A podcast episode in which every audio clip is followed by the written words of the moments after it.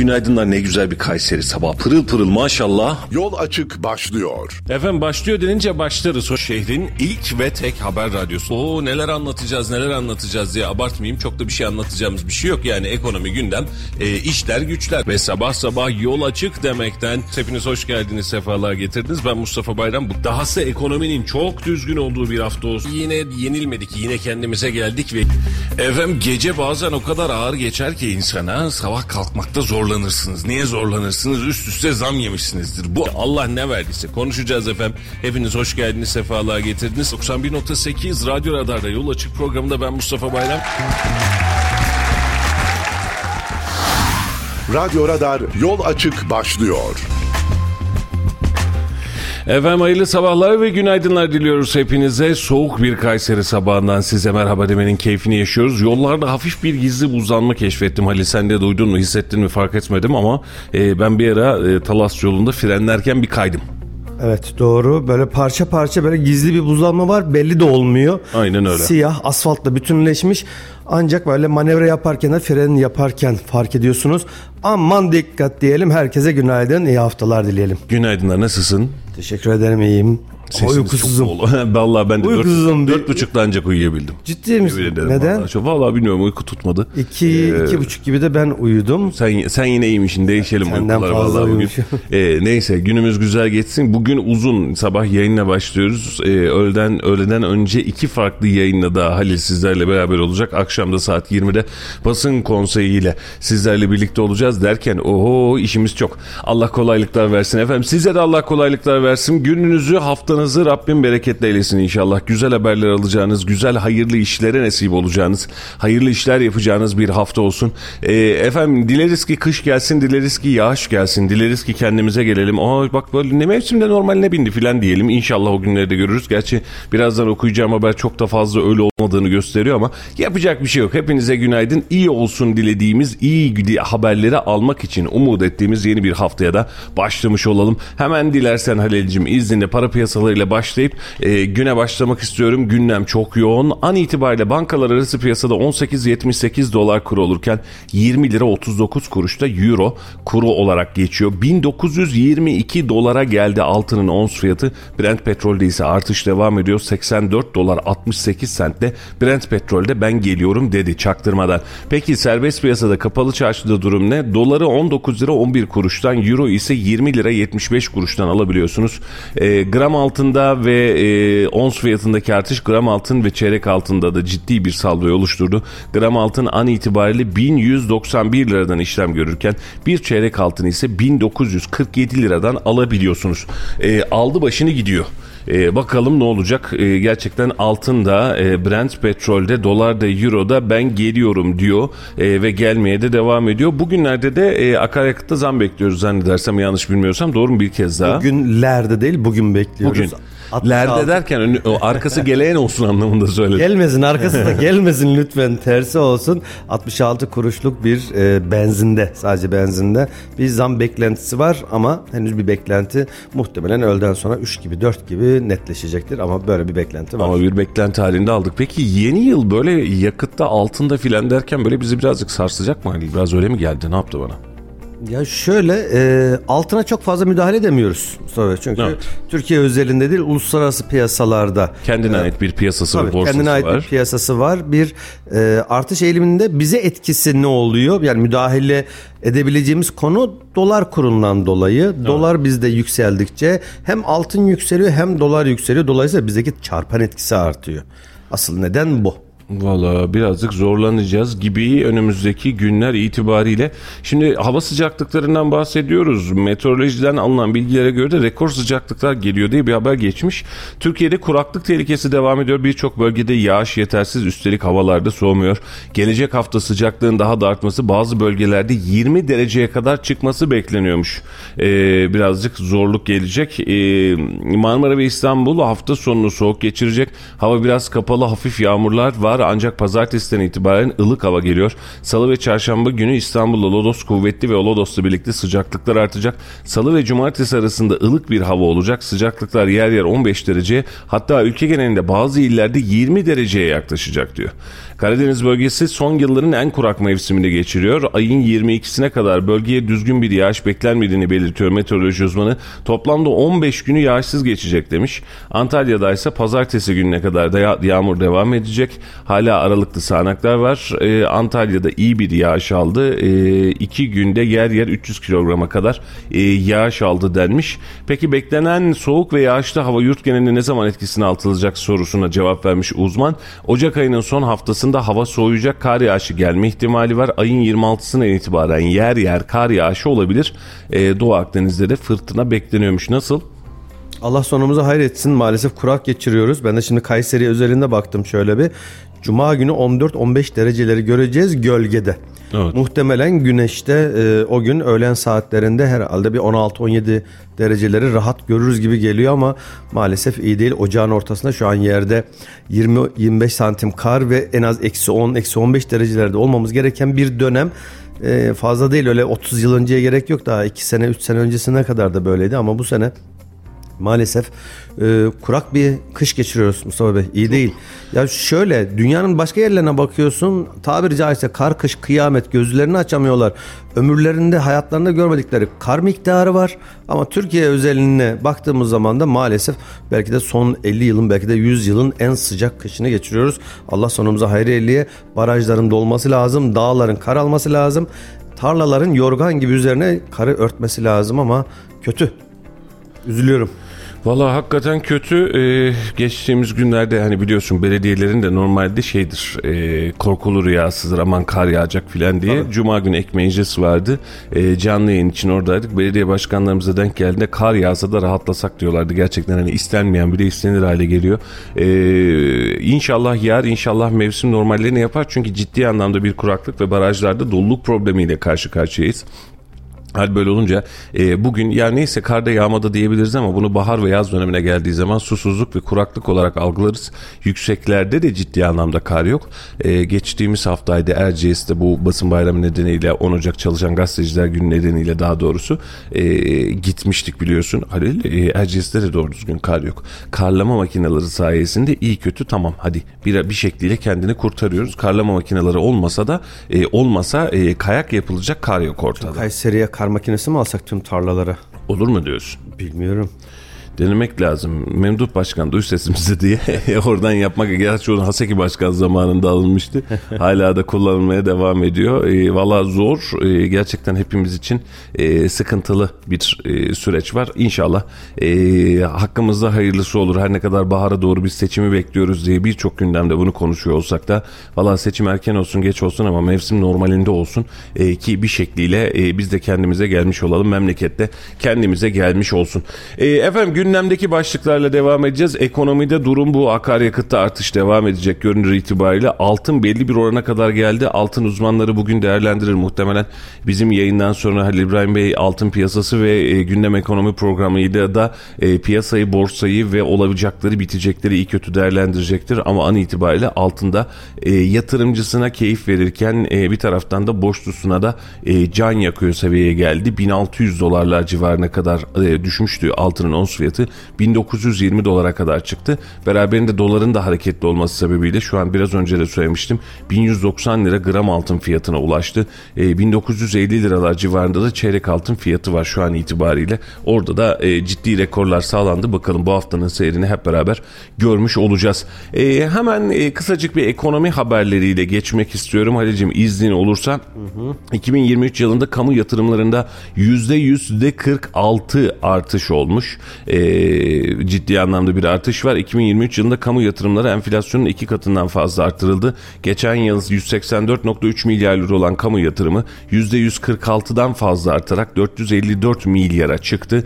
E, milyara çıktı. Evet merkez yönetim bütçesi kapsamındaki kuruluşlardan en fazla yatırım ödeneği tahsis edilenler 45.2 milyarla Ulaştırma Altyapı Bakanlığı 39.4 milyar lira ile Milli Eğitim Bakanlığı oldu denmiş. E, ne diyorsun artışa? Kamu kamu yatırımları %146 artmış. İki katından fazla enflasyonun diyor. E, hissettiğimiz enflasyonun normal enflasyonun acaba? Son pandemi sürecinde de bir hayli düşmüştü biliyorsun. Muhtemelen e, devam eden işlere biraz ağırlık verdiler. E tabi bir de seçim de geliyor haliyle. Üst üste bindi. Hem bekleyen yatırımlar hem de seçimle alakalı bir sürece girdiğimiz için biraz musluklar açıldı. Ben birazcık öyle değil de şöyle düşünüyorum işin içerisinde. Ee, onu da söyleyeyim. Ee, biliyorsun Kayseri'de de e, kamu yatırımcıları ve kamu müteahhitleri daha doğrusu e, bu anlamda neredeyse protesto gösterisinde bulunmamışlardı ve açıklama yapmışlardı. E, şu an itibariyle her ne kadar enflasyonun %64 civarında arttı diye görsen de inşaattaki maliyetlerimiz %200'ün üzerinde artmış durumda. Hal böyle olunca yapılacak okuldan konuta kadar e, köprüden yola kadar her şeyin fiyatı çarpı 3 çarpı 4 haliyle arttı. Şu an kamu yatırımlarının arttığından değil azalmadı azaldığından bahsetsek bence yeridir. Kayseri üzerinde. Hı hı. Yok sadece Kayseri değil tamamında. Ha, Şu var bir de Kayseri de- demişken Kayseri'de doğru düzgün hiç e, Sevgin Bilgin yazmış Kayseri hızlı tren projesi için ayrılan bütçe ne kadar acaba diye. En son bir 20 bin TL açıklamışlardı değil mi? O da temeli bile atamadılar herhalde. Ona bile yetmedi. O, o 2022'nin başlangıcında böyle bir e, va- veri vardı. 20 bin TL'di yanlış hatırlamıyorum değil mi? Ne kadardı ya? 5 milyar dolar mı dediler? Total. Maliyeti 5 ne mi? milyar mı dediler? 5 milyar dolar mı dediler? Haseki'nin 2010 2021'in başında açıklamış olduğu ya da Dolar değildir 2022'nin o. başında TL'dir. açıklamış olduğu bir rakam vardı. Ee, bir bakma şansın olursa e, ÖSSK açıklamıştı. E, ayrılan bütçe derken bu maliyeti bize ne kadar ayrıldı bunu henüz bilmiyoruz ama toplam maliyet bu civarda olacak diye e, böyle hatta e, Kayseri'nin aldığı en büyük kamu yatırımı olarak da toplam kamu yatırım bütçesinde evet iyi hatırlıyorum. Nerede olduğunu da söyleyelim mi? Belki bilmeyen çok dinleyicimiz vardır herhalde Şöyle yerine. söyleyeyim toplamda 60 milyarlık yatırım yapılacağı ya da yapılmış olduğu söylenmişti.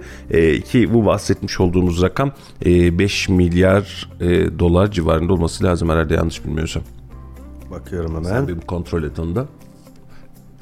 Bekleyip göreceğiz. Ama e, şey e, bakış açısı itibariyle şu an okulların, köprülerin, konutların kentsel dönüşüm yani kamunun vermiş olduğu ihalelere giren müteahhitlerin birçoğunun işten vazgeçtiğini, teminatlarını yaktığını biliyoruz. Hal böyle olunca ne kadarmış?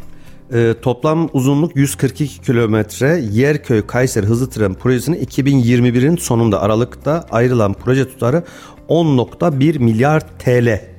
TL miymiş? TL olarak Peki, belirlenmiş. 10 milyar, 10.1 Bugünkü milyar parayla TL. e, 2 milyar dolar gibi. bir 2 rakam. milyar dolar evet. O zaman da açıklama tarihi itibariyle dolar coşkundu. Herhalde o zaman da öyledir muhtemelen yanlış hatırlamıyorsam. Doğru 2 milyar TL gibi 2 milyar dolar gibi bir rakam var işin içerisinde. Ama bu şu an şu dakika itibariyle hızlı tren projesine ne kadar ayırdığımızı değil e, toplamda hızlı tren projesinin ne kadara mal olacağını gösteriyor aslında.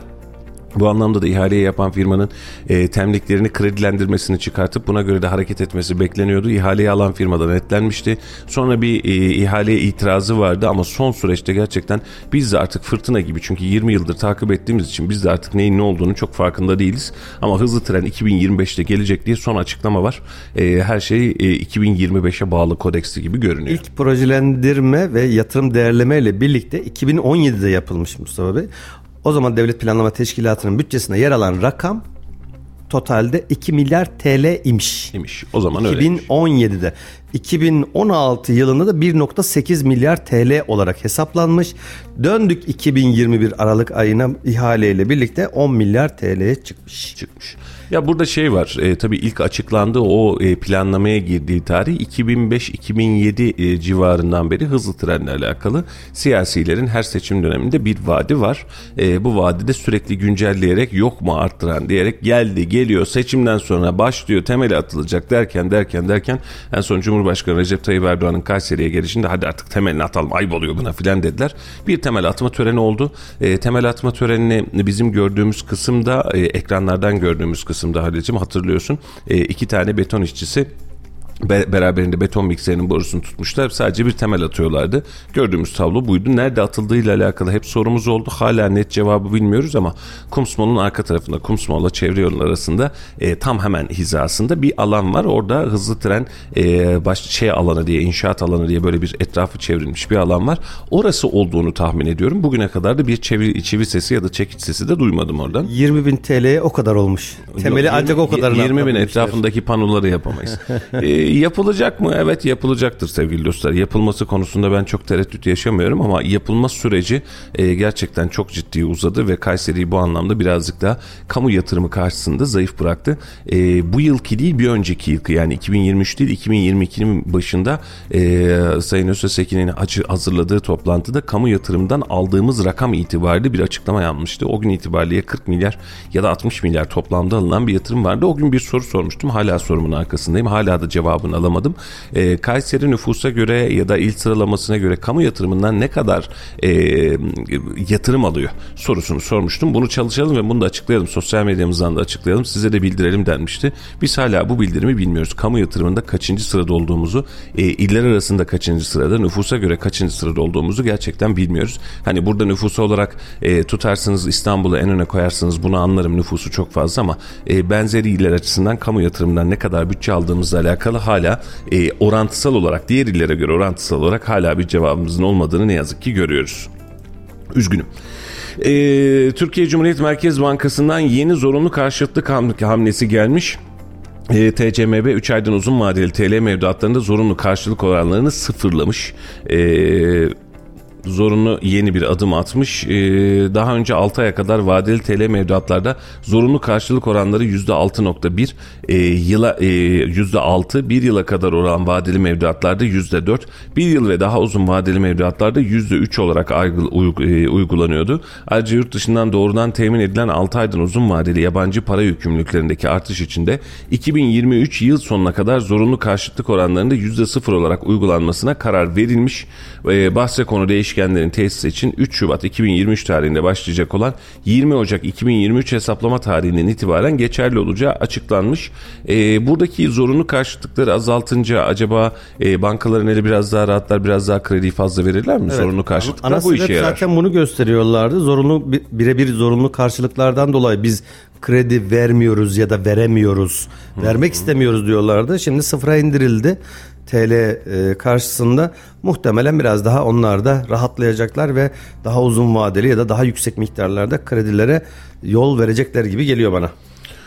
Öyle gibi görünüyor. Bugün itibariyle de efendim orta gelirliye konut kampanyasında e, açıklama gelmiş olacak. Yeni evin konut kampanyasında kim ne kadar kredi alacak, hangi konutlar buna dahil olacak, ikinci el konutlarda bu işe dahil oluyor mu gibi onlarca yüzlerce soruyu bugün itibariyle e, değerlendireceğiz. E, bu e, süreçte herhangi bir başvuru ücreti vesaire olmayacak. E, konutun e, konutu bulup e, kredisini elde edebilen kişilerde 16 Ocak itibariyle yani bugün itibariyle kampanya kampanyanın açıklanmasıyla beraber gidip dilediği konutu alabilecek. Tabii ki bankaların bu anlamda ne kadar fazla e, omuz atacağı, ne kadar fazla kredi musluklarını açacağını da herhalde hepimiz merakla bekliyoruz. E, durum ne olur Halil sence? Bankalar e, bize bu anlamda bir rahatlık verir mi devlet bankaları? Çünkü bir önceki seferde de biliyorsun 0.99'da açıklanan bir konut kredisi vardı ama doğru düzgün hali hazır, alamadı. Hali hazırda zaten var. Hala da var 0.99 ama maalesef alanı pek göremiyoruz. Müracaat ediliyor. Birileri şansını deniyor ama e, çok uzun süre dönüş dahi yapmıyorlar. Bırakın kabul veya red demeyi Mustafa Bey biri işte konut alacak müracaat ediyor bankaya. Her şey tamam evrakları tamam 3 ay 4 ay, 5 ay cevap dahi alamıyor. Bu süre zarfı içerisinde zaten müracaat eden ya başka bir şekilde başka bir yerden işini çözüyor ya da tamamen vazgeçiyor. Uzun süre cevap veremiyorlar. Alan yok mu? Var. Bir iki örneğini gördüm. Ee, hem karı koca devlet memuru Aynı zamanda yüksek maaş alıyorlar böyle üst düzey yöneticiler. Yani bugünün parasıyla evlerine belki 60-70 bin TL'ye giriyor iki kişinin. Bir öyle bir 300-400 bin TL alanı bir gördüm bir kişi. Ama onun haricinde e, kimle görüşsek ya da ortamda konu açılsa herkes aynı dertten muzdarip 0.99 değil yani sıfır olsa ne hükmü var kimseye vermedikten sonra bir anlamı yok. E, şimdi ne olur? E, tabii seçim dönemi biraz daha muslukları açılacak. Ama ben orada kredinin verilmesinden ziyade asıl merak ettiğim müteahhitler buna ne kadar katılım sağlayacak? Benim asıl merak ettiğim konu bu Mustafa Bey. Müteahhitler geçen bir tanesiyle görüştüğümde e, bu arada Serbülent yazmış. Evet 5 milyar dolar demişti demiş. Evet e, hızlı trenle alakalı ben 5 milyar doları e, hatırlıyorum. E, Serbülent de onu bize hatırlatmış olmuş. Öyle bir rakam vardı. Şimdi de gördüğünüz üzere ihale bedeli olarak 2 milyar dolarlık bir rakama tekamül etmiş oluyor hızlı tren. E, bakacağız göreceğiz. E, efendim konut kredisiyle alakalı ve ikinci el ve daha doğrusu sıfır yeni evim orta gelirlere e, konut kredisiyle alakalı Kayseri bölgesinde 2 milyon liraya kadar kredibilite imkanı sunulacaktı ve bunun da faiz oranı 0.79 yanlış hatırlamıyorum değil mi? 0.79 muydu Ali'cim? 0.69 Konut muydu? 69 0.69 dan başlıyor ama artan oran olacak. Gel vatandaş gel. İnşallah e, Kayseri'de de aklı başında daha doğrusu Türkiye genelinde de aklı başında bir süreç oluşur. E, bankalar bu krediyi vermektedir etmek yerine tamam kardeşim sen bunu ödeyebilirsin der. Özellikle ilk 3 yıl e, ödeme teşviği sayesinde e, 1 milyon liralık bir kredi için 4000 küsür liralık bir ödemeyle başlıyorsunuz ilk yıl itibariyle. Bu gerçekten oldukça olumlu bir rakam. Önümüzdeki yıllarda gelebilecek enflasyon farklarını ve üst üste bindirilebilecek tutarları hesap ettiğinizde e, bu anlamda çok ciddi avantaj sağlayabilirsiniz. Eğer tabii ki bankalar size mırık deyip de e, vermiyorum demezse e, umarım ev sahibi olmak isteyen birçok kişiye de umut olmuş olur. Seçim öncesi seçim yatırımı diyorsunuz. Evet doğru seçim yatırımı E, ama sonuç itibariyle Belki de 100 bin kişi, belki de 50 bin kişi, belki de bir 10 binlerce kişi bilmiyoruz. Ev sahibi olmuş olacaklar. Yerel gündeme doğru dönmek istiyorum. Ulusal gündem bugün karışacak ortalık belli. Gerek Cumhurbaşkanı'nın gerekse Devlet Bey'in açıklamaları var farklı noktalarda. Devlet Bey bahar seçim mevsimidir demiş. Ee, baharı biliyoruz zaten de baharın hangi gününde olacağını hala bilmiyoruz. Bu anlamda da gerçekten e, tereddütlerim var Halil. E, şunu açıkça söylemem lazım. Bu ara bu dönem meclisin ve açıklamaların çalışma şekli de beni bir miktar rahatsız ediyor. En basit ihtimali EYT'den bahsettik. EYT yılbaşı öncesinde açıkladık. Hayırlı olsun dedik. İnsanlar EYT'de askerlik borçlanmasını, doğum borçlanmasını hatta yılbaşı öncesinde biliyorsun. Aman yetişsin diye yapmaya başladılar. Hala EYT'den herhangi bir açıklamamız yok. Bekliyoruz. Meclise gelmedi. Ee, geçtiğimiz günlerde Elitaş açıklıyor. Meclise gelirse 10 günlük bir çalışmamız var. Tamam diyor. Ee, biz e, hemen ocağın başı itibariyle bu iş bitecek diye tahmin ediyorduk. Şu an itibariyle Çalışma Bakanı diyor ki Şubat'ta ya da Mart'ta maaş alırsınız diyor. Birazcık daha bekleyin diyor. Yani Mart'a kalırsa bu iş hani Mart'ta Ocak'ta şu an itibariyle ayın 16'sı bu hafta itibariyle gelse çalışması bitse Şubat'ta kanunlaşacak gibi görünüyor. Bu da EYT bekleyen vatandaşı ciddi bir azap. Acaba seçimden çok önce verirsek seçime kadar aldığı maaşı unutur diye mi düşünüldü? Onu da çok fazla bilmiyorum ama gereksiz uzadığını tahmin ediyorum bu işin. Olabilir niye olmasın? Ha şimdi şu var. işin teknik boyutunda geçen işte e, resmi muhasebecimiz Fatih Bey'le görüşürken e, sadece kendimiz için EYT liste 5000'i doldurdum. Hadi ben emekli olayım. İşte bununla e, kalmıyor. Çok karışık hesaplamalar var. İşte daha önce SGK'lıymış, işte sonra Bağkurlu olmuş, o ona birleşmiş, yurt dışına çalışmış, başlamış derken işin teknik boyutu evet e, ciddi anlamda belki zorluk olan teknik konular var illaki ama ne olursa olsun e, bu, bu kadar zamanda kalmaması gerekiyordu. Ha, öyle ya da böyle bence e, şahsi fikrim Mart ayıyla birlikte ilk emekli maaşlarını almaya başlayan EYT'leri görmeye başlayacağız. Bu ayın sonuna kadar da sonuçlanır diye sadece bir öngörüm var. Bakacağız göreceğiz. Efendim memlekette ulaşıma zam geldi. Önce merkeze e, sonra da ilçelere zam geldi. İki zam da herkesi e, birazcık üzdü. Hemen önce bir bu değerlendirmeyle geçeceğim. E, 15 Ocak itibariyle yani dün itibariyle başladı. Tam bilet 8,5 lira indirimli bilet ise 4 lira 25 kuruş olarak e, açıklandı. E, abonman e, biniş kartlarının sayısı biniş sayısı 140 binişten 150 binişe çıkartılmış olup indirimli abonman 120 lira e, aylık 150 biniş tam abonman ise 360 lira olarak belirlendi. E, abonman hala öğrenciler için ucuz e, yetişkinler için de hatta ucuz E, günlük birden fazla eğer otobüs tramvay değiştirmeniz ve binişiniz varsa aylık abonmanları özellikle tavsiye ederiz. E, 8,5 liraya 4 lira 25 kuruş oldu iş e, zam gelmiş oldu e, ve ciddi de böyle bir e, vatandaşı da rahatsız etmiş, etmiş olmalı ki bizim sayfada en yoğun yorumlar e, hemen hemen bu gönderiye geldi. E, hemen ardından da yine UKME kararı ile şehirler arası daha doğrusu ilçeler arasındaki e, tarifeler de yeniden belirlenmiş oldu. En uzak ilçe Sarız. Sarız'ın kent merkezinden Kayseri'den Sarız'a gitmenin fiyatı 65 lira 90 kuruşa yükseldi. Burada da hatta en uygun fiyat olarak da Bünyan'a bakalım. Bünyan 20 lira 15 kuruş indirimli fiyatta ise 8 liraya tekamül etmiş oluyor. Ee, en yakın ilçemiz Bünyan'a gitmek için kullanacağınız e, rakam. E, en uzak ilçe Kayseri'de Sarız'a gitmek isterseniz de 65 lira 90 kuruş ödeyeceksiniz. Develi yazıyor mu? Ee, yazıyor. Onları da geçelim. Develi 28 lira 25 kuruş. Mesela Develi İncesu Kayseri arası İncesu hattından gelirse 36 lira 75 kuruş. Yahyalı'ya gitmek isterseniz 52 lira. Yeşilisar'a gitmek isterseniz 33 lira 90 kuruş. Sarız'ı söylemiştim en pahalımız orası zaten 65.90. Tomarza'ya gitmek isterseniz 28 lira 25 kuruş. Sarıoğlan 30 lira 35 kuruş. Pınarbaşı 44 lira 75 kuruş. Felahiye 34 lira 35 kuruş.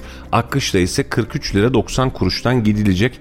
E, bu bölgeye eğer seyahat etmek isterseniz bunlar da biliyorsunuz e, belediye halk otobüsü işletmesi gibi bunlara bağlı özel işletme minibüsleri tarafından taşınması yapılıyor.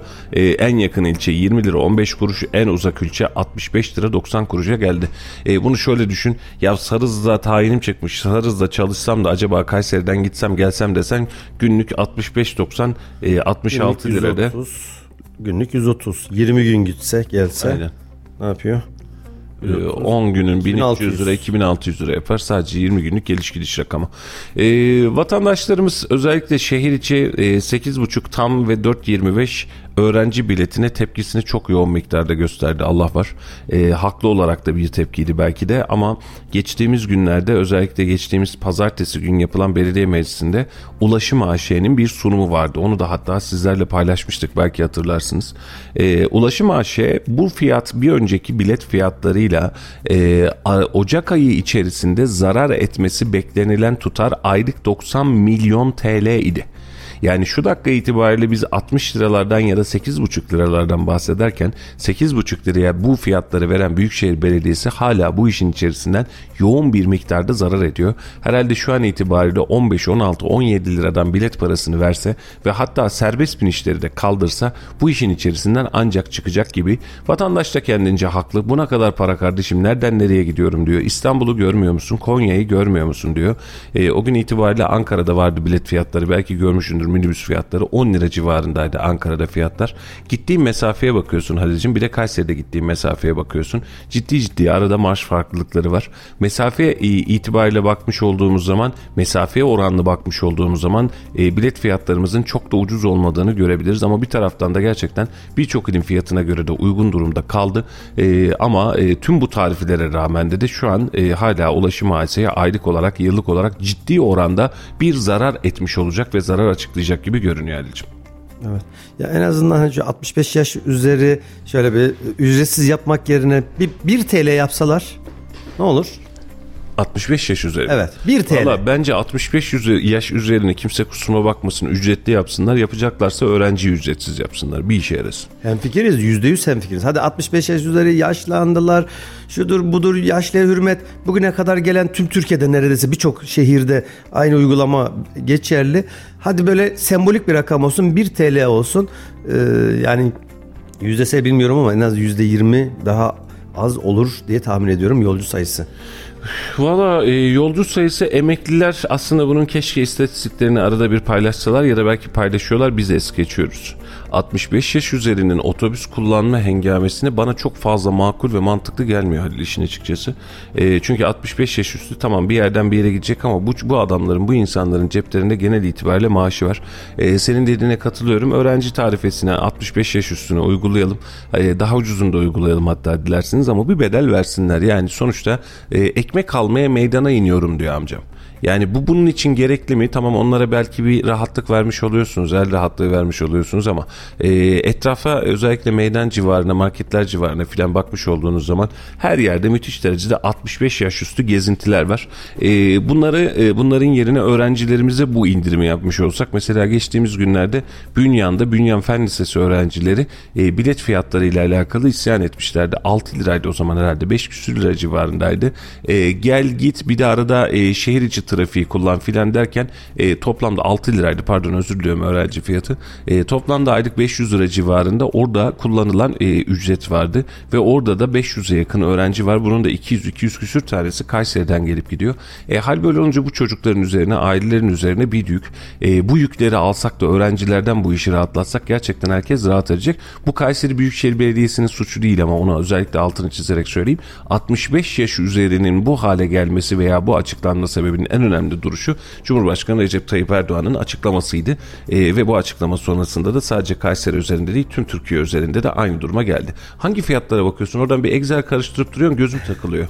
E, Kayseri'ye yatırım, devlet ve kamu yatırımları ne olmuş diye yıllara göre diye bir baktım. En son buldum. E, en son veri e, 2018 tarihi. Öncesi 20 yıllık süreç var ama 2018'de toplam kamu yatırımları Türkiye genelinde 95 milyar TL. Kayseri'nin payı 214 milyon TL. Yüzdeye vurduğumuz zaman yüzde 0.02 gibi bir rakam karşımıza geliyor. Özür dilerim. 2018. 0.2. 0.2. 2018 yılı itibariyle. 2018. Bir önceki yılda e, yine e, bu sefer 0.4 olmuş. Yarı yarıya azalmış. 438 milyon TL'lik bir e, kamu yatırımı almış. Kayseri yine aynı rakammış 94 küsür milyar TL toplam bir e, kamu yatırım bütçesi varmış 2017'de. O zaman da 0.4 yani yüzde bir bile almıyoruz. Toplam bütçe içerisinden yatırım bütçesi içinden. Buna hep söyleniyor aslında da Halil'cim biliyorsun bunu siyasiler de çok konuşuyor. Ee, Sayın Özteseki de buna çok kızıyor hatta. Diyor ki ne demek diyor kamu yatırım almıyor, kamudan bu kadar yatırım alıyoruz diye. İşte kamudan aldığımız yatırımın oranına bakarsak eğer ne kadar yatırım aldığımızı göreceğiz. Yıllardır kendimizi şöyle uyuttuk. Kayserimiz işi bilir, Kayserimiz hayırseverdir. Kayserimiz kendi söküğünü kendi diker. Ee, hiç beğenmediğin, hiç bakamadığın yerlerde ciddi ciddi kamu yatırımları alınırken sen Kayseri özelinde 0.2 Türkiye geneline göre 0.4, 0.3 gibi e, böyle komik rakamlarda kamu yatırımları alıyorsun. Bu yatırımlar sayesinde de ortaya çıkmış oluyorsun. Aslında o tabloyu kaybetme, o tabloyu o tabloyu civar illerle beraber bir e, son 10 yıl ortalamasında, son 15 yıl ortalamasında, son 5 yıl ortalamasında bakarak bir güncellemek lazım. Bunu açıklamaktan birazcık çekiniyorlar ama Kayseri kamu yatırımında e, ne yazık ki üzerine basarak söylüyorum ne yazık ki gerçekten minimum düzeyde değer alıyor. Biz okulumuzu, camimizi vesairemizi dahi e, doğrudan şeye yaptırarak, e, hayırsevere yaptırarak, kendi arsamızı kendimiz çözerek bu işin içinden çıkmaya çalışıyoruz. E tamam bunu yapalım da kamudan da birazcık alalım, merkezi bütçeden de birazcık alalım dediğimizde burada minimize kalıyoruz. Yıllardır söylenen hadise o tabloda bunun aşikar olmuş olmuş hemen hemen Halil'cim. Evet bir Ankara verisine bir baktım sadece gözüme takıldı. Ankara e, 0.5 olarak alıyor. Ankara'da 0 E, Kayseri'nin 2,5 katı. Kadar alıyor. Yani e, şey böyle yatırım aldığı rakamlara göre hadi Ankara Kayseri'nin 4 katı 5 katı büyüklüğünde diyelim ama aldığı rakam ölçüsünde de 2,5 katı daha fazla devlet yatırımı almış. En son veri tekrar söylüyorum 2018'de var. 2019'da da var ama çeyrek olarak verilmiş. Oradaki rakamlarda tabii ilk çeyrek olduğu için bizim için veri değil. Evet. Ee, efendim memlekette e, bizim asayiş haberlerimiz rutinimizde var ama dün akşam saatleri itibariyle Vali Bey bir tweet atmış. E, Halil'cim onun üzerinden özellikle gitmek istiyorum. E, bu anlamda da tebriklerimizi ve takdirlerimizi de sunmak istiyorum özellikle Vali Bey'imize. Arkadaşlar da haberleştirir birazcık da geçer, ge- birazcıktan da geçeriz. Biz kararlıyız Kayseri'de uyuşturucu sattırmayacağız. Polisimiz o kadar çok operasyon yaptı ki cezaevleri torbacılarla doldu. Gençlerimizi zehirleyemeyeceksiniz. Bu illete bulaşanları da yalnız bırakmıyoruz. Hiç merak etmeyin Kayseri'de muhteşem bir rehabilitasyon merkezi yapıyoruz demiş e, Vali Bey. E, sağ olsun bu anlamda emeği e, çok yüksek ama önemli bir kısım şu. E, gerçekten uyuşturucuyla alakalı Vali Bey'in gelişinden bu tarafa müthiş bir aksiyon içerisindeyiz. E, yiğidi öldür hakkını yeme demişler. E, gerçekten üst üste üst üste üst üste operasyonlarla şehrin her tarafında torbacılar, satıcılar, kullanıcılar bir şekilde Vali Bey e, ve emniyet teşkilatımız e, bunun üzerine yoğunlukla gitmeye çalışıyor. Şimdi de Kayseri Fen Lisesi vardı eski Kayseri Fen sonradan spor lisesi olmuştu. Buraya yapılacak rehabilitasyon, merkezinin protokolü imzalandı. Hatta üzerine CHP lideri Kılıçdaroğlu'nun geldiği gün aynı saatlerde Emirgan'da Emirgan Köftecisi'nde bir toplantı hayırseverler toplantısı yapmıştı e, Sayın Özeseki. Hayırseverlerden de bu işin limitlerini tamamladı. Yakın bir tarihte özellikle bu yaz sonuna kadar bu işin toparlanacağı tahmin ediliyor E, ve gerçekten de Kayseri özelinde e, bölgedeki birçok insanın rehabilite olacağı, uyuşturucu batağından kullanacağı, kurtulacağı da e, bir merkez ediniliyor. E, burada e, bizi dinleyenlerden, öğrencilerden, öğrenci anne babalarından özellikle ricamdır bu bu anlamda. E, en iyi narkotik polisi annendir diye bir e, şey düzenliyor. E, seminer düzenliyor aslında Emniyet Teşkilatı da. E, burayı e, önemsemek lazım. E, bu kısmı birazcık daha toparlamak lazım. E, evde evde ve aile bireyleri içerisinde hadi bakalım ne yapıyoruz dediğinde çocuğunuzun bu illete bulaşıp bulaşmadığını da çok rahatlıkla görebilme ihtiyacımız var. E, bu kısmı da toparlamamız lazım. E, burada da e, rehabilitasyon merkeziyle alakalı Isparta'da benzerini yapmıştı. Şimdi de Ali Hocam yazmış Şehmuz Vali'yi unutmayalım diye. Haklısınız. Şehmuz Günaydın'ın da rehabilitasyon merkezi yapılması ve bu süreci e, oluşturmakla alakalı ince sudaki o yerin ayarlanması dahil olmak üzere o fen lisesinin olduğu yerin ayarlanması dahil olmak üzere de Şehmuz Vali'nin de burada emeği vardı. E, onun da hakkını inkar etmeyelim. E, ama son dönemde hem operasyonlar hem rehabilitasyon merkezinin hızlanması hem de aksiyon alınması e, belki de Kayseri'deki e, yaşanabilecek travmalara, aile içi yaşanabilecek travma, uyuşturucudan kaynaklı travmalara karşı çok önemli bir önlem olarak karşımıza çıkacak gibi görünüyor. Evet burada da biraz önce söylediğin gibi en iyi e, teftiş görevi annelere babalara düşüyor. Hakikaten çok önemli. Rahmetli babam derdi ki e, Mustafa Bey e, arkadaşını iyi seç oğlum. Camiye götüren de arkadaştır, meyhaneye götüren de arkadaştır Evet. diye. O yüzden ailelerin biraz daha çocuklarını böyle bir denetim altında almaları, nereye gidiyor, ne yapıyor, ne ediyor biraz daha fazla kontrol etmeleri gerekiyor. Ya çocuk işte genç genç oldu 18 yaşında artık karışacak diyor. Yok karışacaksınız. 18'se de karışacaksınız, 28'se de karışacaksınız. Ee, gerekirse bakın ya ceplerine bakın. Yani çok etik değil belki söylediğim şey ama gerekiyor şu memleket için, çocuklarımızın geleceği için kimlerle arkadaşlık ettiğine dikkat etmemiz gerekiyor. Nerelere gidiyor, ne yapıyor, ne ediyor kontrol etmekte fayda var. Ee, önceki ilk eğitim ve ilk denetim evde başlar. Bu çocuklarımıza Allah esirgesin cümlemizin çocuklarını bu illetlerden korumak hepimizin görevi başta anne babalar olmak üzere. Aynen öyle. Ee, bu anlamda şimdi tweetin altına da bakıyorum. Çok ciddi de destek almış. Ee, Vali Bey'i bu anlamda hem takdir ediyoruz hem de destekliyoruz. Elimizden ne kadar ne geliyorsa bu kısım önemliydi çünkü. Ee, yapılacak işlerle alakalı e, önemli. Bundan sonraki gelecekle alakalı da önemli. Birkaç tane altında not var. Ona da kısacık geçeyim. Hırsızlıkla alakalı da biliyorsun e, Halil e, çok ciddi bir travmamız vardı geçtiğimiz dönemde. E, artık adi hırsızlıkların hat safhaya geldiği her gün e, farklı güvenlik kamerasıyla hırsızları yayınladığımız bir alan vardı. Burada da bir yavaşlama söz konusu bitmedi ama burada da bir yavaşlama söz konusu gibi. E, burada da emniyetimizin aldığı tedbirler işe yarıyor gibi geliyor bana. Evet hepsinden Allah razı olsun. Vali Bey'in gelmesiyle birlikte bakın şimdi emniyet e, birimleri evet hepsine eline sağlık. Bu operasyonları yapan tabii ki emniyet birimlerimiz ama biraz daha böyle sıkı çalıştırılmasına e, daha böyle bir dikkatli olmalarına sebebiyet veren en büyük e, karar merci de tabii ki Sayın Valimiz biz öncesinden sayfalarımızda biliyoruz yani her gün hırsızlık işte e, her gün böyle bir uyuşturucuyla alakalı bir mevzular ediliyordu ama geldikten sonra biz bir hayli fazla bunların yakalandığıyla alakalı haberler yaptık ve uyuşturucuyla mücadelede inanılmaz derecede haberler yaptık. Söylediği gibi e, artık hapishaneler uyuşturucu tacirleriyle dolup taşmaya başladı. Beter olsunlar o başka bir şey. E, hani Süleyman Soylu'nun bir lafı vardı. Bacaklarını kırın ben arkanızdayım diyordu. Evet bunların bacaklarının kırılması gerekiyor. Kafalarının gözlerinin dahi kırılması gerekiyor. E, tekrar ediyorum evlatlarımıza sahip çıkalım. Nereye gidiyorlar, ne yapıyorlar, kimlerle arkadaşlık ediyorlar, hal, hareket, davranışlarından bile belki e, sezebiliriz. Yani Allah esirgesin o tarz böyle bir madde e, alışkanlığı edinilen çocuklardaki akşam eve geldiği zaman psikolojisindeki değişik, ha- hal ve hareketlerindeki değişiklik, konuşmalarındaki değişiklik bile kendini ele vermeye yeterli. Çünkü bunlar e, kullanmaya başlayınca yarım saat sonra geçip gidecek bir şey değil. Saatlerce süren etkisi var Mustafa Bey. Evet. Dolayısıyla aileler artık biraz daha böyle çocuklar üzerine dikkatli davranışlarını e, gözlemleyebilirlerse Allah korusun yine tekrar ediyorum ama varsa bir şey e, bu şekilde çok rahat bir şekilde çözebilirsiniz.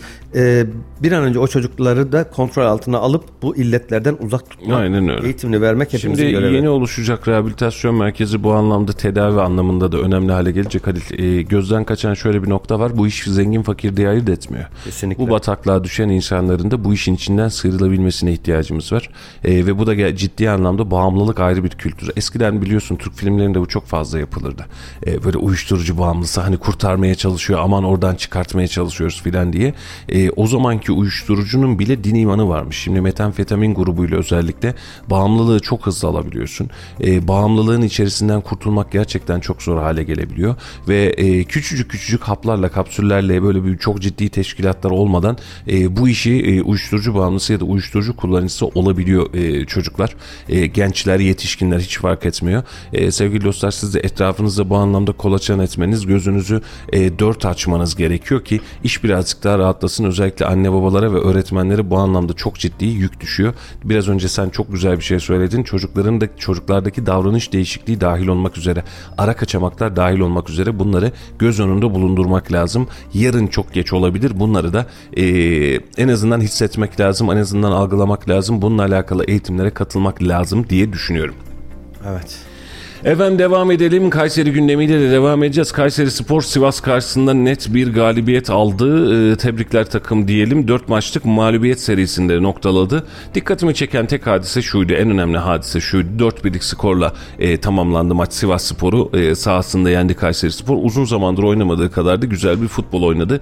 E, maç çıkışında açıklamalar yapıldı. Ben açıklamalardan şunu anladım. Hafta içerisinde takımın parasını ödedik ve takımda oynadı. Ben bunu anladım. Siz yanlış mı düşünüyorum? Ya şöyle e, evet haklısın. Biz bunu daha önceki dönemlerde de çok fazla dile getirdik ama futbolcu açısından baktığın zaman ya parasını alsan da almasan da ya senin koşman lazım. Paramı alamıyorum. iyi ben koşmayayım. Teknik direktörün söylediklerini yapmayayım. Golümü atmayayım. Kaleme gelen golü yiyeyim. Böyle bir mantığı asla kabul edemem ya Mustafa Bey.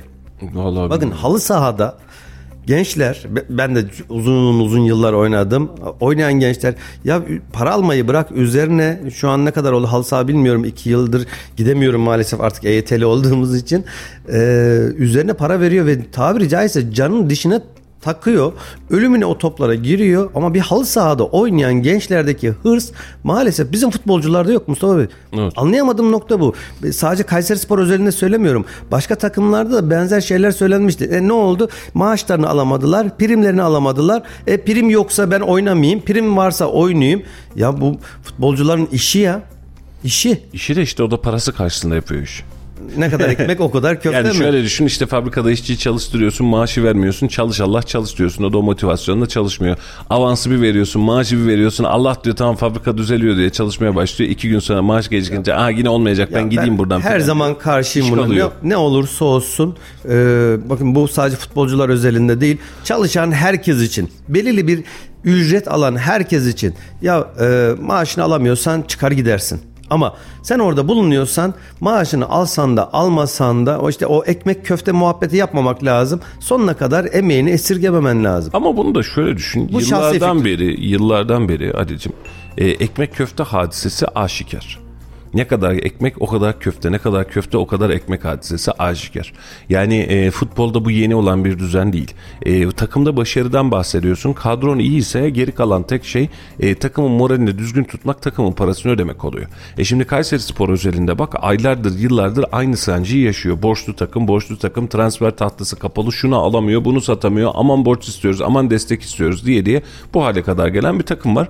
Ve şu an itibariyle de azıcık ateşleme yapınca takımın nasıl ateşlendiğini görüyoruz. Hani burada teknik direktörün tabii tabii teknik direktörün verdiği gaz vesaire diye bakmıyor. Sen parayı ateşlersen takımda ateşleniyor. parayı ateşlemezsen takımda ateşleniyor. Milli takımda geçtiğimiz yıllarda hatırla Avrupa e, Şampiyonası eleme gruplarında Burak Yılmaz'ın bir açıklaması vardı. İşte oynadın oynamadın işte şu 500 bin TL şöyle dağıtıldı. Ya milli takımdasın ya milli takımdasın ve oraya giden futbolcuların hepsi de paraya ihtiyacı olmayan futbolcular ama bir milli takım sen orada ay yıldızlı bayrağı temsil ediyorsun ülkeni temsil ediyorsun prim yüzünden birbirine giriyorsun Evet.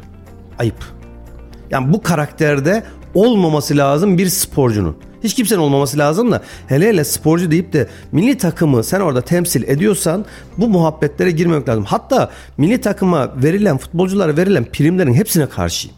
Sadece Türkiye'de tüm dünyada böyle olması lazım. Milli Vallahi, takımı temsil e, ediyorsan bu işi parayla yapmazsın, yapamazsın, yapmamalısın. Valla lazım diyoruz öyle diyoruz da e, kazın ayağı da öyle olmuyor. E, biz ne kadar öyle düşünsek Kazı kesip yiyelim doldurup yiyelim. Valla olmayınca olmuyor yani E, yapacak bir şey yok. Mesaj gelmiş mesajı okuyayım bir E, düzen ve tertip zaman zaman yüksek maliyeti getiriyor. Burada anlatmak istediğim seyyar köftecisi olmazsa uygun yemek olmaz minibüs olmazsa ucuz taşıma olmaz ulaşım ağacı büyürken e, ben e, maliyetleri de büyü bence maliyetleri de büyüyor. Tramvayın elektriği bakımı yeni otobüslerin konforunun getirdiği bakımları kliması klima gazı bunları kriz olmadan önce hissetmiyordum ama şimdi konforun bedelini hissetmeye başladık diye düşünüyorum maliyetlerle alakalı demiş. E, Valla burada e, şöyle söyleyeyim e, ulaşım AŞ'nin e, ve yani şehir içerisinde tamam bir lüks düzen tertip e, yüksek maliyet get maliyet getiriyor diyoruz ama e, şu an itibariyle belediyenin en büyük sancılarından bir tanesi ulaşımdaki ücretsiz taşımalar. Bu taşımalar bir üstümüze yük olarak biniyor. İki e, maliyet analizine bakmış olduğunuz zaman yakıttı, za- e, maaştı, amortisman giderleri de dediğinizde gerçekten ne halk otobüslerinin ne de belediyenin işin içinden çıkma şansı kalmıyor ve belediye bunu ciddi anlamda sübvanse ediyor. E, lüksün karşılığı bu mudur? Valla minibüste olsaydı bugün itibariyle 10 liradan aşağı gitmezdi. Ankara'da 10 lira olmuş minibüsler işte. Bugün de 10 liradan aşağı yolcu taşımazdı. Hesabını şöyle yap. Şimdi e, şöyle bakalım. Atıyorum Belsin'den Kayseri merkezi otobüs geliyor. Şey minibüs geliyor olsun.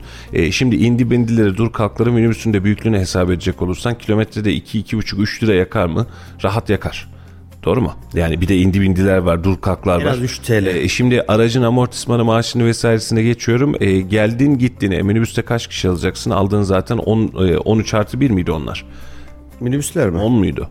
O civarda. Hani şimdiki sprinterler vesaire tarzı olmuş olsa 10.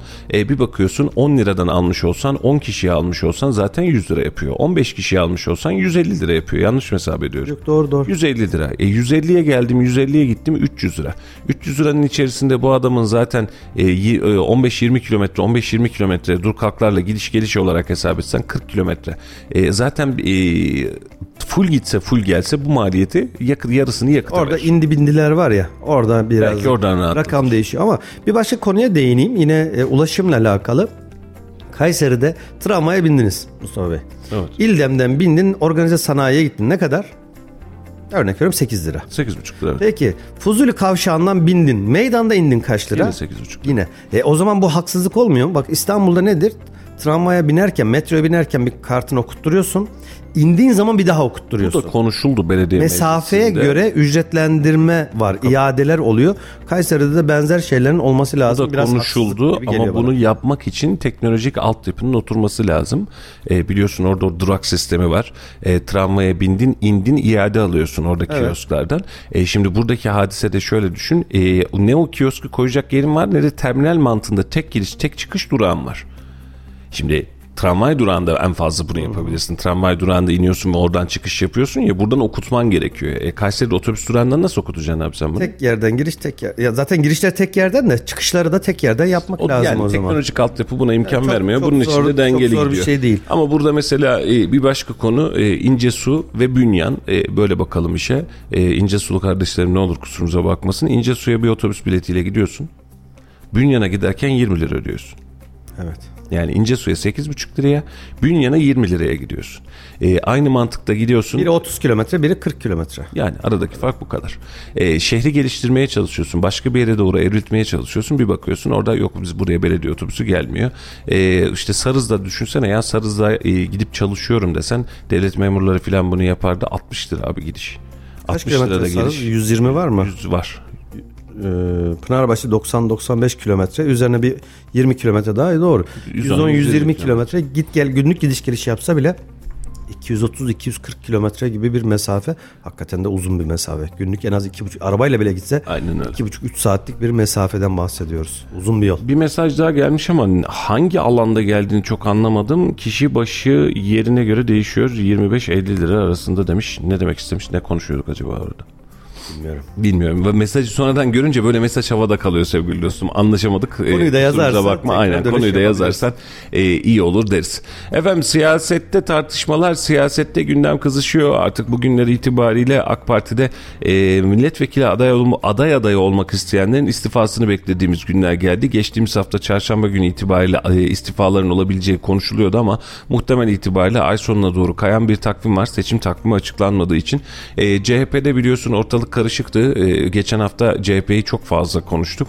E, boşalan il e, başkanlığı koltuğunun yerine geçmek için e, eski il başkanı ve vekil tarafından konuşulan ve görüşülen tamam bu kişi olsun denilen ve yönetim kurulundan çıkan bir isim vardı. E, daha sonrasında ilçe başkanları e, çıkartma yapmışlardı e, Ankara'ya biz istemiyoruz diye. Ankara'da yerel yönetimlerden sorumlu genel başkan yardımcısı tamam kendi aranızda bir isimle mutabık kalın biz de onaylayalım demişti. O isimle mutabık kalındı ama sonrasında yeniden bir önceki il başkanı atandı. Çok karma karışık bir iş var. Hikayenin özeti de şuymuş Halicim e, salıcı bir şey salıcı tam hatırlamıyorum genel başkan yardımcısı buradan diyor ki 16 tane ilçe belediye ilçe başkanını bir araya gelin meclis üyeleriyle bir araya gelin kendi aranızdan bir ismi seçin biz de bu ismi alalım diyor. Bu isim seçiliyor ve bildiriliyor. Her şey tamam mı derken Tomarza ve Sarız ilçe başkanları o imzayı biz attık ama imzamızı geri çekiyoruz diye ve düzen bozuluyor. Hal böyle olunca da yeniden e, bir önceki yönetim kurulu tarafından seçilen il başkanı Adil Demir genel merkez tarafından ve internet üzerinden açıklanmış oldu. Adil Demir de e, CHP genel merkezinde Kemal Kılıçdaroğlu'nu ziyaret ederek beraberinde bir fotoğraf verdi. E, görüş alışverişinde bulunduk. Talimatlarını aldık demiş Adil Demir. Genel başkanımızın Kayseri'ye çok selamları var. Ayrıca parti örgütü ve örgüt üyelerinden yönetimlerinden sorumlu genel başkan yardımcımız Oğuz Kaan Salıcı ile de görüşerek yapacağımız çalışmalar hakkında talimatlar aldık. Destekleri nedeniyle e, genel başkanımıza, parti yöneticilerimize vesaire vesaire vesaire teşekkür etmiş. Vatandaşın refah huzuru için mahalle mahalle, ilçe ilçe e, buluşacağız denmiş ve böyle bir e, mesaj vermiş. Bugün itibariyle de CHP'lilerin e, bir önceki seferde seçim yapan ve karşı çıkan ilçe başkanlarının toplanarak 5 otobüs gibi bir otobüste e, Ankara'ya gidip protesto etmesi ve genel merkezde görüşmek istediği konuşuluyordu. E, bakalım ne olacak? Bunun da sonucunu bekliyoruz bekliyoruz. E, Salih mesajı yazdığına göre bizi dinliyorsun. CHP'lilerde bir hareket var mı? Ankara'ya gidecekler mi? Bize bir bilgi ver. E, en son Ankara'ya gidecekler diye biliyorduk. Çünkü hafta sonundaki tablo buydu. Ama e, genel başkanla il başkanının verdiği fotoğraf sonrasında dirençlerinin biraz kırılacağını düşünüyorum. Zaten bu direnç kırmak için de yapılan bir fotoğraf paylaşımı gibi geldi bana. E, yeni il başkanı Adil Demir hayırlı olsun gibi gibi görünüyor. Bence de hayırlı olsun. Bu fotoğrafta boşuna verilmedi. Genel başkanla verilen fotoğrafta diğer ilçe teşkilatlarına da bakın biz bu kararı verdik. Yönetimde bizim arkamızda, genel merkezde bizim arkamızda deyip e, sanırım bundan sonraki hani istifa dilekçelerimiz cebimizde gibi açıklamaları herhalde tekrar istifa dilekçelerini tekrar yırtacak gibi gözüküyor. Salih cevabını vermiş. Ankara'ya gidecekler abi. Cumartesi akşam görüştüm en son demiş. Harcan bir gelişme yok. Bugün belli olacak diyor. O zaman bugün itibariyle bir Ankara çıkartması yapıyor e, teşkilat. E, eğer bir mani gelmezse Ankara'da gidip genel merkeze de dertlerini izah edecekler ama parti içi karışık bakalım seçime nasıl yansıyacak. Önemli konu bu. E, özellikle bu dönemde geçtiğimiz günlerde iki farklı partiye de aynı şeyi söyledim. E, kendi içlerinde o kadar kargaşa var ki diğer partilere muhalif olma, diğer partilere söylem geliştirme vasfını tamamen yok etti şu an partiler. Kendi iç dertlerine düştü. Ve bundan kaynaklı olarak da yani CHP AK Parti ile alakalı şu an il yönetimi AK Parti ile alakalı bir konuda çıkıp da açıklama yapmakta zorluk çekiyor. Mesela hani ulaşıma zam gelmiş vesaire olmuş doğru mu? Tam CHP'ye top, top gelmiş yani top ayağa gelmiş vurabileceği bir yer. E, ortada il başkanının daha henüz belli değil. Öbür taraflar karma karışık. Hal böyle olunca oradan da elin ayağın birazcık daha e, tıkanıyor ve partiler kendi iç dertlerine düşmekten başka işlere bakamıyorlar gibi geliyor. Ki şu an aynı e, süreci ben e, ne olur kimse yanlış anlamasın AK Parti için de düşünüyorum, MHP için de düşünüyorum. Kim ne oldu ne olacak derken diğer partiler veya siyasetin genel akışına değil bu dönem itibariyle tamamen iç siyasetlerine e, vurdular işi. Kendi içlerinde düzenlemeye çalışıyorlar. CHP zaten kendi içinde bir yangın yeri. İyi Parti e, yeni il kongresinden çıktı. Derleyip toparlamayı ve bu arada milletvekilleri listesinde kim olacak derdine düşmüş oldu. E, AK Parti'de durum zaten e, işte Şaban Çopuroğlu'nun hemen hemen aday adaylık için istifa edeceği net e, görünüyor. E, Koca Sinan'da da e, bir istifa var biliyorsun. E, şimdi bunların e, tamamını topluyorsun, altını çiziyorsun. Yerine kim gelecek? Vekil listesinde kim olacak? O mu gelecek? Bir de son dönem şey çıktı Halil. E, özellikle bu önümüzdeki dönemde çok fazla tartışılak tek listeyle girerler mi? Mesela AK Parti MHP Kayseri'de tek listeyle girer mi? Ya da diğer taraftan bakıyorsun e, İyi Parti, CHP, DEVA, Gelecek, Saadet bunların her birisi tek listeyle alana girer mi? Tek liste halinde çıkartırlar mı? Çıkartınca çünkü tüm e, denge alt üst oluyor. Aritmetik değişiyor. Aynen öyle. Yani şu an atıyorum CHP kendi içerisinde ben birim iki çıkartır mıyım diyor. Ee, İyi Parti oyun fena gitmiyor. İkiyim, ikim var zaten de üçü çıkartır mıyım diyor. Ama ikisini birleştiriyorsun. Geleceği devayı aynı listenin içerisinde tulum halinde birleştiriyorsun. Oralardan aday koyuyorsun dersen işte birazcık aslında karışıyor. Hele hele AK Parti MHP listesini hesap edecek olursan hangisini nereden koyacaksın o da ayrı bir dünya. Önemli olan sıralama. Her bir parti için yani bu sadece Ve AK Parti, MHP değil. toplamda. CHP'si, MHP'si, İyi Partisi hangisi olursa olsun tek listeyle giren herkes de e, ana böyle ne diyeyim tabiri caizse kavga nedeni sıralama olacaktır. Şimdi yeri garanti olan var 9. 10. sıradan koymak var. Herhangi bir listeden hangi taraf olursa olsun 8, 9, 10. sıradan bir milletvekili aday olduğunuz zaman kazanmanız imkansız. Mümkün değil. Tulum çıkartman lazım. Çok zor. Yani bunu Onlar çok geçti. o zaman şey hadisesi olduğu zaman vardı biliyorsun. Baraj meselesi nedeniyle çok tuluma yakın çıkartılmıştı. Çünkü parti baraj altında kalınca birçoğunu eliyorsun. Ee, kalan partide Kayseri'den gerekli oy almayınca işte 9'a 1, 8'e 1 e, gibi rakamların çıktığı dönemler olmuştu. Ama an itibariyle bakmış olduğun zaman bu rakamların ortaya çıkması gerçekten zor ihtimaller arasında biniyor. şu anki konjektürde zor. Yani en son Kayseri'den 10 milletvekili var çünkü toplam şu rahmetli Özal zamanında Anavatan Partisi döneminde 87'de yapılan seçimde 7-0 o zaman 7 milletvekili çıkarıyorduk. Ee, belediye başkanlığı o zaman SHP'deydi. Evet. Ee, Bahçeci zamanındaydı ama milletvekiline Niyazi baktığımız zaman da he, Bahçecioğlu milletvekiline baktığımız zaman 7-0 almıştı. Ve o zaman için büyük bir başarıydı. Ama tekrar böyle bir sıfıra karşı tam liste çok zor artık imkansız. Bence de imkansız. Ee, seçim yaklaştıkça tabii ki anketler de sıkılaşacak ama bazı partilerin %7 barajına rağmen baraj altı kalma ihtimalleri de konuşulan ihtimallerden biri. Parti ismi vererek söylemiyorum sonra karşı çıkıyorlar kim diyor böyle filan diye. Ee, ama baraj altı kalma ihtimali Kayseri'den bahsetmiyorum. Türkiye genelinden bahsediyorum. Baraj altında kalacak olursa o zaman vekil çıkartmakta da zorlanabileceğiniz periyotlar var. Halbuki olunca bu tüm aritmetiğinizi değiştiriyor. Yine değişiyor tabii. Ee, Cumhurbaşkanlığı seçiminde ikinci tura giderseniz o zaman eee, şey sıkıntısı var. Eee, birbirini ne kadar destekleyeceğini. Düşünsene e, ittifakta olduğun partinin bir tanesi baraj altında kalmış vekil bile gönderememiş. E sen ikinci turda bu ittifakın e, adayını destekler misin burada bir küskünlük oluşur mu? Sandığa gitmeme oluşur mu? İkinci tura döner mi? İlla ki altılı masanın adayı kim? Ya ne kadar soru var ya. Neyse biz bunları Masa akşam için de aynı şeyler yapılıyor biliyorsunuz. En son Ali Babacan'la Ahmet Davutoğlu işte bu oy oranında olacak yok işte alt onlar kıyasıya altılı olacak. masayı e, patlatmak için mücadele ediyor ben onu görüyorum Evet hem fikiriz Net. ama öbür taraftan da bir bakıyorsun Meral Akşener de aslında benzer şeyler yapıyor. Ee, böyle seçimle alakalı böyle afişler reklam panolarına İmamoğlu'yla birlikte e, pozlar veriliyor ve afişlere bunlarla giriliyor. Hem Ali Babacan hem Ahmet Davutoğlu Şimdi orada bir oy tanesi, oranına bakmadan eğer fikirlerimiz olmazsa bu iş yatar tekrar seçime gideriz gibi böyle hani ab altına sopa mı gösteriyor, tehdit mi yapıyor, şantaj mı yapıyor bilemiyorum özellikle ama Ahmet Davutoğlu'nun. Ahmet Davutoğlu'nun çıkışları gerçekten manidardı. Yani nasıl yani filan dedirten çıkışlardı. Ee, seçim öncesinde kendi belki iç kulisinde konuşulabilecek ama dışarıda çok konuşulmayacak mevzuları sere serpe ortaya döktüler. Ee, bence altılı masaya çok ciddi bu açıklamalar zarar veriyor. Ali Babacan'ın anladığım kadarıyla Cumhurbaşkanı adayı ben olayım niyetine çok fazla e, düşmüş durumda ve oradan da ısrar ediyor. Ben olayım ben olayım ben de varım ben de varım beni niye hesaba katmıyorsunuz diyor. E, Kılıçdaroğlu ben olayım demiyor ama siz belirleyin efendim ne diyorsanız diyor. O da oradan böyle hafif kenardan kalıyor. E, bö- bö- yani Meral Akşener gerçekten, tarafı İmamoğlu'nun e, Meral Akşener tarafı istiyor. İmamoğlu e, dışında şöyle yapıyor. E, şöyle söyleyeyim. E, sadece İmamoğlu'nun üzerine oynamak değil, ittifakın içerisindeki modellerde de ciddi sancılar var. Şöyle e, mesela e, HDP'nin oy vermeyeceği bir e, aday üzerinde konuşuluyor. Burada HDP'nin de ola ki oy verebileceği aday o gözünde İmamoğlu. Mansur olursa biz vermeyiz deniyor.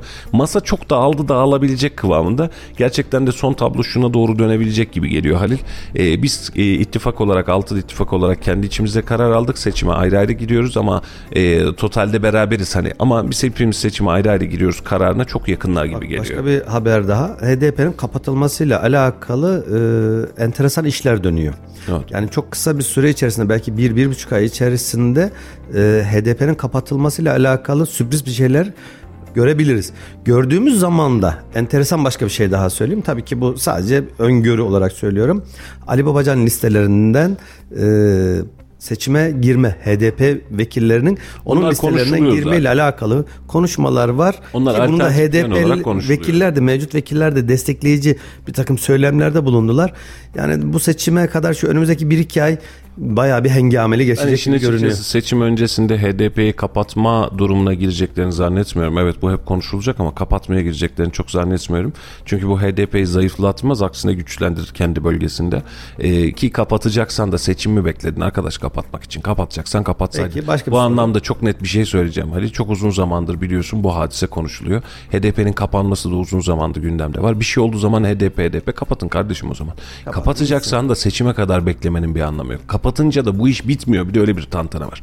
Ve ya Anayasa Mahkemesi'ne vererek sen HDP'yi kapatmaya çalışıyorsun. Anayasa görüşmesi için öncelikli olarak gidip HDP ile görüşüyorsun. Burada da bir anormallik var. Yani bu anlamda hiç kimsenin olayın olaya vakıf olunan taraf olarak samimi olduğunu düşünmüyorum. Yani burada yapılabilecek tek hadise yıllardan beri HADEP dönemi e, daha önce vardı bunların bir sürü partisi vardı bayrak Çok, asmadıkları. çok. Ya bu alan bu anlamda yapılacak tek hadise terörü bu kadar zayıflattığım dönemde HDP ile HADEP'le DEHAP'la adını ne diyorsan de hangi grup diyorsan de bunların terörden sıyırarak bunlardan belli bir kitle bunlardan belli bir siyasi e, konjektür oluşturmak gerekiyor ve şu an kapattık kapatacağız gerçekten siyaseten de çok e, akıl oyunu haline dönen artık böyle herkesin üzerine bir yafta atma haline dönen bir iş. Mesela Deva Partisi'nin e, genel başkan yardımcısı ile HDP'nin genel başkan yardımcıları arasında bununla alakalı bir görüşme olduğu söyleniyor.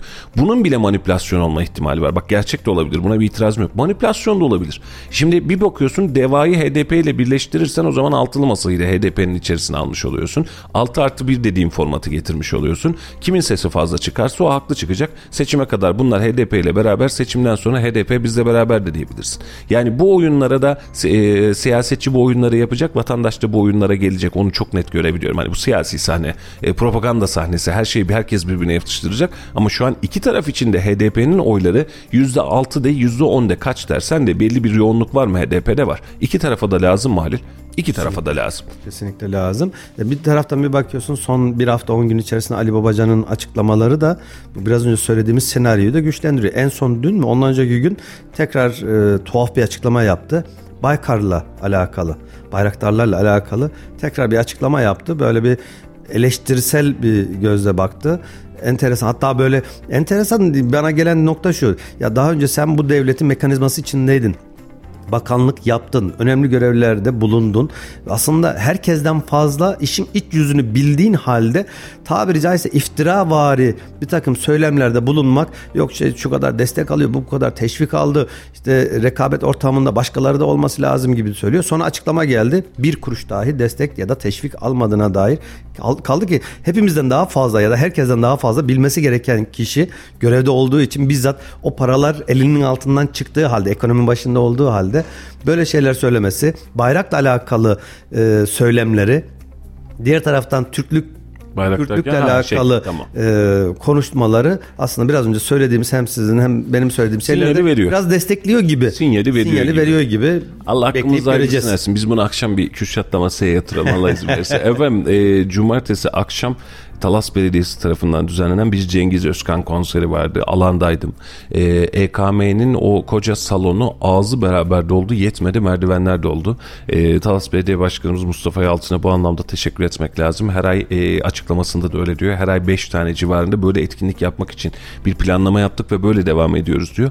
E, ne kadar da severmişiz e, böyle konserleri, böyle dinletileri ve gerçekten gelen kitlenin kalitesi de beni benden aldı. Çok güzeldi yani Allah razı olsun gelenlerden. E, Erciyes Kültür Merkezi Büyük Auditorium Salon'da yapılan bir etkinlikti. E, buradan geçmeden edemeyeceğim. Kendisine teşekkür ediyorum. E, önümüzdeki dönemlerde yeni etkinliklerde mutlaka okuyor olacaktır.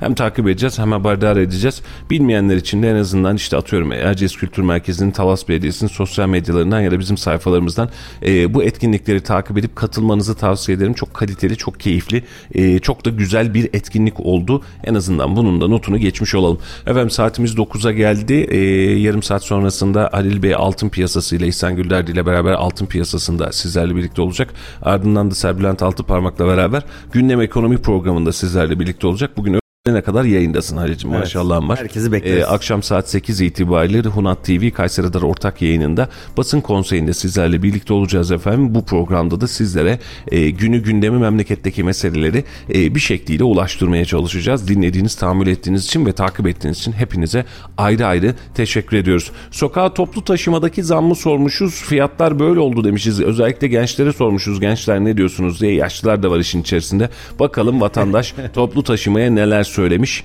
Laf sokaklarla sizi baş başa bırakıyoruz efendim. Yarın yine aynı saatlerde bir arada olmak umuduyla kendinize iyi bakın. Hoşçakalın. Hoşçakalın. Sefer serdarı atmalı 5 dakikada bir gelmesi lazım. Çok bekliyoruz 15 dakika, 20 dakika. Öğrenciler için zor olacak. Zaten hani maddi durumu iyi olmayanlar da var. Ee, az önce tramvaya bindim. Çok yoğundu, çok kalabalıktı. Bunun en büyük sebebi de e, 9 dakikada bir sefer saatleri. Kayseri'de toplu ulaşıma yarından itibaren geçerli olmak üzere zam geldi. Buna göre tam bilet 8,5 lira, öğrenci ise 4 lira 25 kuruşa yükselecek. Bu konu hakkında ne düşünüyorsunuz? Çok pahalı bir şey düşünmüyorum. İndirim olmasını istiyoruz. Çok fazla bence. Sefer sayılarını yeterli buluyor musunuz ve ulaşımdan memnun musunuz? Memnun değilim. Bir otobüse neredeyse 100 kişi binebiliyoruz. O konudan hiç memnun değilim. Biraz daha fazla otobüs olsa daha iyi olur. Zaten ben Kayseri'de durmuyorum ki ya. Köydeyim ya. Ne? Bizim zamımız ne orada yok. Arabayla işimiz yok ya. Binle bir gelip gidiyor buraya yani. He. Aslında ben İstanbul'dan geliyorum. İstanbul'daki sefer sayılarına burayı kıyasladığım zaman e, orası daha e, sıktı. Burada en azından e, şöyle bir durum söz konusu. E, az önce tramvaya bindim. Çok yoğundu, çok kalabalıktı. Bunun en büyük sebebi de e, 9 dakikada bir sefer saatleri. E, o biraz sık can sıkıcı. E, onun yerine daha sık seferler yapılırsa daha sağlıklı olur diye düşünüyorum. Ee, otobüs bileti ya da tramvay bileti 4.25 olacakmış. Yani öğrenciler için çok zor. Yani ben bile e, otobüs biletine haftalık yani 50 lira yüklüyorumdur. Yani diğer hafta bitiyor hafta sonları. Hafta sonları gezerken bile bitiyor yani. 4.25 olması çok kötü olmuş. Ee, tramvaylar organize sanayi yolunda çok fazla oluyor. Döne- dönerken çok sıkıntı yaşıyoruz. İldem, İldem yani orada sıkıntı yok da orada da beklerken çok şey oluyor. Sefer serdarı atmalı 5 dakikada bir gelmesi lazım. Çok bekliyoruz 15 dakika, 20 dakika. Buluyorum evet. İyi bayağı araba var. Belediye güzel çalışıyor. Ee, arabalar hiçbir kesilmiyor. 10 dakikaya bir araba kalkıyor. Sıkıntı yok ulaşımda. Vallahi yine çok işte milletin durumu zor. Zor durumdayız yani. Gerçekten yetişmiyor. Yani şeyler çıksa da ücretler bu sefer de böyle ücretler çıkıyor. Yine zorda yani millet. Vatandaş yine zorda. Ve ondan çok memnunum. Erkilet'te oturuyorum ben. Yani her 5 dakikada istediğiniz gibi binebiliyorsunuz. Ondan çok memnunuz. Ama işte yine zam yine zam onu bilmiyorum. Konu hakkında e, hani öğrenciler için zor olacak. Zaten hani maddi durumu iyi olmayanlar da var. Ama hani nasıl diyeyim zam gelmesi bir yandan öğrenciler için kötü oldu. Hani okula gidenler var. Yani ben de tramvayla gidip geliyorum bazen. Yani kötü oldu bu durum. Öyle. Bence değil çünkü hani zaten topluluk bayağı dolu oluyor tramvaylar ve dolu olmasına rağmen şoförler de mecbur almak zorundalar. Ama yani biraz daha arttırsalar ulaşım şeylerini falan güzel olur, iyi olur bence. Yani e, kısıtlıyorlar her şeyi yani. Ekonomi de zaten bu gidişte gidişatı belli değil. Yani çalışıyorlar yetmiyor yani öğrenci ne yapsın? Yani yeterli gibi de bazen kalabalık oluyor yani. Aslında bir iki tane de takviye olursa iyi olur. Kayseri ulaşıma gayet güzel aslında ama e, tabii ki öğrencilere zam yapılması biraz e, bu şartlarda hiç hoş olmuyor. Yani.